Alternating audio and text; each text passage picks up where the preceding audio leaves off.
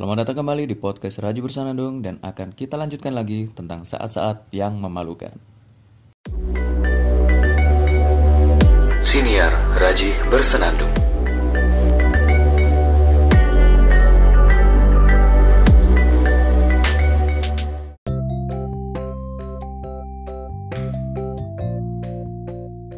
Saat memalukan yang ketiga dalam hidup saya adalah ketika kuliah semester 5. Waktu itu saya sedang berada di Universitas Brawijaya bareng teman saya untuk presentasi karya ilmiah yang kami tulis.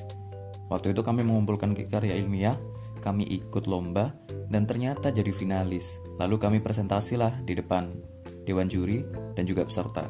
Waktu itu pesertanya adalah mahasiswa Semalang Raya, bukan semuanya ya, maksudnya ya pesertanya dari mahasiswa-mahasiswa Semalang Raya gitu, dan juga anak-anak SMA se-Jawa Timur. Maksudnya pesertanya berasal dari SMA se-Jawa Timur, jadi banyak itu orang-orangnya. Kami presentasi di depan mereka, Dewan Juri duduk paling depan. Waktu itu karya ilmiahnya satu orang bikin satu sih, Ya, seingat saya gitu. Saya bikin satu tentang rumah politik untuk para disabilitas. Ide keren kan ya? Jadi ada satu rumah yang ada pengurusnya khusus. Nanti rumah itu memberikan edukasi politik untuk orang-orang disabilitas. Dan karena sudah ada pengurusnya, jadi ya mereka punya spesifikasi masing-masing. Ada yang untuk tunanetra, tunarungu, dan lain-lain. Itu ide saya waktu itu. Nah, titik malunya adalah gini-gini. Sebelum ke sana, saya mau cerita dulu. Ini adalah eh, lomba karya tulis ilmiah yang diadakan oleh Himpunan Mahasiswa Jurusan Sosiologi Universitas Brawijaya. Nah, waktu itu teman saya jadi salah satu panitianya. Jadi salah satu orang penting lah di di sana. Karena dia waktu itu koordinator jaringan mahasiswa sosiologi sejawa. Dan UMM salah satu anggota dari jaringan itu. UB juga masuk. Banyak pokoknya di Jawa Timur yang masuk. Kami berteman akrab. Nah, akhirnya selain karena saya ingin mengukir prestasi, saya juga ingin meramaikan agenda itu karena itu agendanya teman saya gitu. Jadi ya udah, ikutlah saya. Ternyata masuk jadi finalis. Tak disangka-sangka ternyata peserta dari anak SMA tuh banyak banget. Kalau mahasiswa nggak terlalu banyak memang. Ada dari UB, dari UMM, dari UM juga satu lagi lupa. Kalau nggak dari UM dari mana gitu lupa. Yang jelas ya yang mahasiswa itu nggak sampai sebanyak teman-teman SMA. Lalu presentasilah kami. Jurinya itu dari dosen-dosen sosiologi UB, ada yang doktor, ada yang master, yang master 2, yang doktor satu kalau nggak salah. Nah waktu itu dia kerjasama dengan PSLD Pusat Studi dan Layanan Disabilitas UB. Iya kalau nggak salah. Nah kebetulan ada salah satu dosen yang juga pengurus di PSLD. Akhirnya kolaborasilah dua lembaga ini. Singkat cerita, presentasi gantian dari UB sudah presentasi. Kemudian saya waktu itu tidak datang sendirian. Ada teman saya dari uh, eh, UKM Forum Diskusi Ilmiah, satu angkatan juga. Dia juga presentasi dan presentasinya bagus banget. Saya lupa idenya tapi idenya memang benar-benar brilian. Dan juga cara presentasi dia, cara penulisan karya ilmiah dia itu bagus. Karena memang sudah pengalaman dalam penulisan karya ilmiah dan juga presentasi. Jam terbang lomba-lomba dia itu lomba karya ilmiah itu lebih banyak gitu daripada saya. Ya wajar kalau bagus. Alhasil eh sih belum belum ke hasil lalu gantian saya yang presentasi. Hmm inilah saat malunya di sini. Saya presentasi. Waktu itu saya merasa belum ada bekal yang cukup untuk presentasi karya ilmiah. Jadi ya sekenanya aja saya masih belum paham latar belakang itu kayak gimana, rumusan masalah itu kayak gimana, penyampaian ide itu harusnya seperti apa, menganalisa pakai teori itu gimana, itu masih belum paham sama sekali. Jadi yang seharusnya analisa teori itu saya bahas di bagian analisa teori, itu tidak saya bahas di sana gitu. Saya malah membahasnya di latar belakang. Justru justru, justru yang melatar belakangi ide saya muncul itu ya karena adanya teori itu. Itu konyol kalau nggak kalau menurut saya. Dan itu menjadi uh, salah satu evaluasi besar dari para dewan juri. Karena seharusnya latar belakang itu muncul saya gini gini. Latar belakang itu menjelaskan kenapa kok ide saya itu muncul. Harusnya di latar belakang itu saya menjelaskan bahwa uh, para penyandang disabilitas itu butuh banget butuh banget edukasi politik yang sangat mudah ditransformasikan dan mudah diserap oleh mereka. Gitu kan? Harusnya harusnya latar belakang saya seperti itu. Sehingga sinkron kalau idenya itu membuat rumah politik untuk para penyandang disabilitas. Tapi justru malah saya menyebutkan teori konstruksi sosial. Berawal dari teori konstruksi sosial.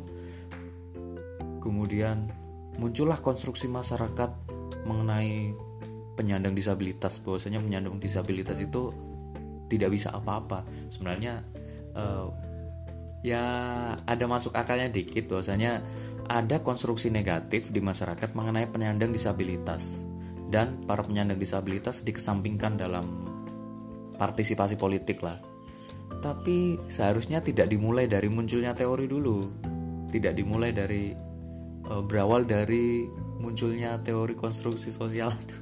Kenapa kok aku konyol ya waktu itu ya? itu waktu itu masih belum merasa malu jadi ya waktu itu masih takut-takut malu iya tapi bukan malu karena dipermalukan. Tapi malunya waktu itu masih malu apakah benar atau tidak gitu. Masih malu-malu karena itu masih masih newbie banget lah ikut lomba. Waktu itu akhirnya uh, setelah saya menyampaikan ide saya selesai dievaluasi dievaluasilah sama dewan juri ini yang puncak memalukannya di sini. Karena saya malu gara-gara dimalu-maluin sama dewan juri. Dewan juri bilang kok anda menyebutkan konstruksi sosial di latar belakang? Ya saya jawab sekenanya. Soalnya waktu itu nggak paham juga kan. Jadi pokoknya nggak boleh. Jangan sampai prinsip saya waktu itu jangan sampai jawab nggak tahu. Pokoknya saya jawab sekenanya aja. Ya saya jawab ya karena dari konstruksi ini akhirnya muncullah pemikiran masyarakat bahwasanya penyandang disabilitas itu dikesampingkan dan lain-lain. Akhirnya saya disalahin sama para dewan juri waktu itu. Harusnya kamu nggak ngomong itu. Harusnya teori konstruksi sosial itu jadi analisa teori, teori an uh, untuk teori untuk menganalisa. Di latar belakang sebutkan kenapa kamu memunculkan ide itu, kenapa kamu memunculkan gagasan rumah politik. Kayak gitu, dimarahin, bukan dimarahin tapi dimalu-maluin gitu. Dalam hati, waduh, ini baru latar belakang udah salah ini. Maksudku, saya tuh malu gara-gara dimalu-maluin di depan anak SMA karena sebelumnya saya melihat anak-anak SMA itu kalau presentasi bagus-bagus ide-ide mereka itu dipuji-puji sama dewan juri dan saya juga ketika melihat mereka presentasi juga iya keren ya mereka itu anak-anak SMA anak-anak SMA itu karya ilmiahnya kebanyakan tentang riset sedangkan kami para mahasiswa kebanyakan tentang gagasan. Nah ketika saya dimalu-maluin soal latar belakang wih itu rasanya mm, aduh hina banget sih.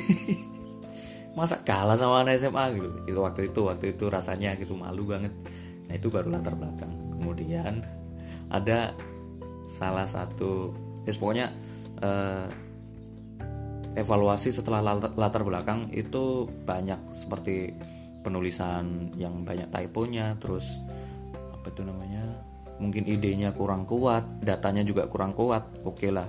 Itu biasa dalam hal evaluasi karya ilmiah gitu kalau misalkan teman-teman para pendengar setiap podcast bersenandung podcast Raji bersenandung yang uh, sedang presentasi sempro misalkan ya pasti banyak dikoreksi soal datanya kurang atau penulisannya yang kurang pas gitu ya. Tapi waktu itu yang lebih ngena di saya selain soal evaluasi tentang latar belakang ya itu evaluasi soal daftar pustaka saya langsung ditembak sama dewan juri.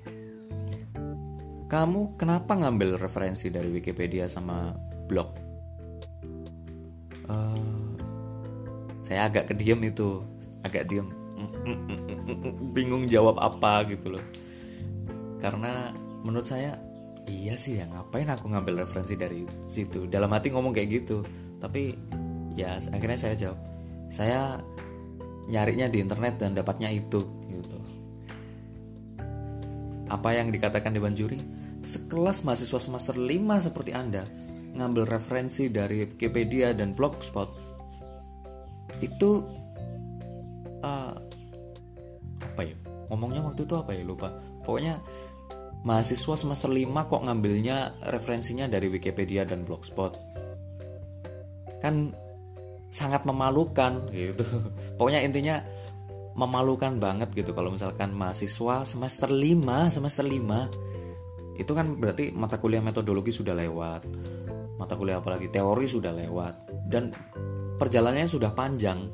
Tapi dalam hal mengerjakan uh, karya ilmiah referensinya masih ngambil dari Wikipedia dan Blogspot. Terus saya kalau nggak salah diginin kamu tahu kan Wikipedia sama Blogspot itu kredibilitasnya kayak gimana itu waktu itu saya nggak bisa jawab kalau nggak salah. Pokoknya diam aja deh. Akhirnya dijelaskan sama dewan juri Wikipedia sama Blogspot itu kita tidak tahu siapa penulisnya. Wikipedia sangat bisa dirubah oleh orang banyak. Dan referensinya belum tentu benar. Apalagi blogspot.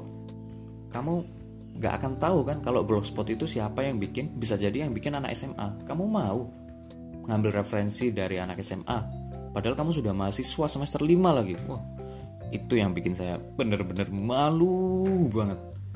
Bener-bener jatuh down banget. Bluk. apalagi waktu itu saya pakai alma mater. Dan dilihatin anak-anak SMA hmm pasti. Uh, gimana ya pasti rasanya itu gak enak banget. Karena waktu itu sudah dimalu-maluin seperti itu mahasiswa semester 5 gak bisa apa-apa pakai jas alma mater UMM lagi ya.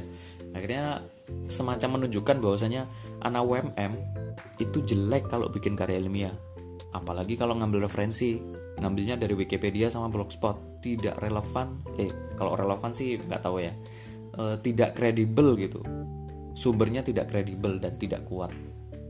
Bahkan ya hina banget seharusnya tidak seperti itu. Harusnya referensi itu kan ngambil dari buku jurnal. Nah teman saya yang satu UKM yang saya bilang presentasinya bagus tadi sama karya ilmiahnya bagus dia memang ngambil referensi dari buku-buku sama jurnal. Saya kok nggak ngeh soal itu. Itu karena masih newbie banget itu. Yang akhirnya nilai saya alhasil nilai saya paling rendah. Tapi ya alhamdulillah lah dapat pengalaman waktu itu. Pengalamannya itu pertama pengalaman di malu-maluin depan orang banyak khususnya depan anak SMA hmm, malu banget. Bawa alma mater soalnya. Bawa nama baik UMM ternyata nama UMM tidak bisa saya banggakan. Tidak bisa saya banggakan waktu itu. Ya gimana lagi ya yang kedua saya dapat pengalaman memberanikan diri mempresentasikan ide saya di depan orang banyak, khususnya di depan dewan juri. Meskipun salahnya banyak dan salahnya fatal banget, tapi paling tidak saya sudah berkesempatan untuk menyampaikan ide saya. Bagi saya waktu itu ide saya brilian, soalnya belum ada. Ya meskipun waktu itu dewan juri meragukan, coba dicari lagi referensinya mengenai rumah politik ini. Siapa tahu memang sudah ada rumah politik sehingga ide anda ini tumpang tindih dengan yang sudah ada gitu.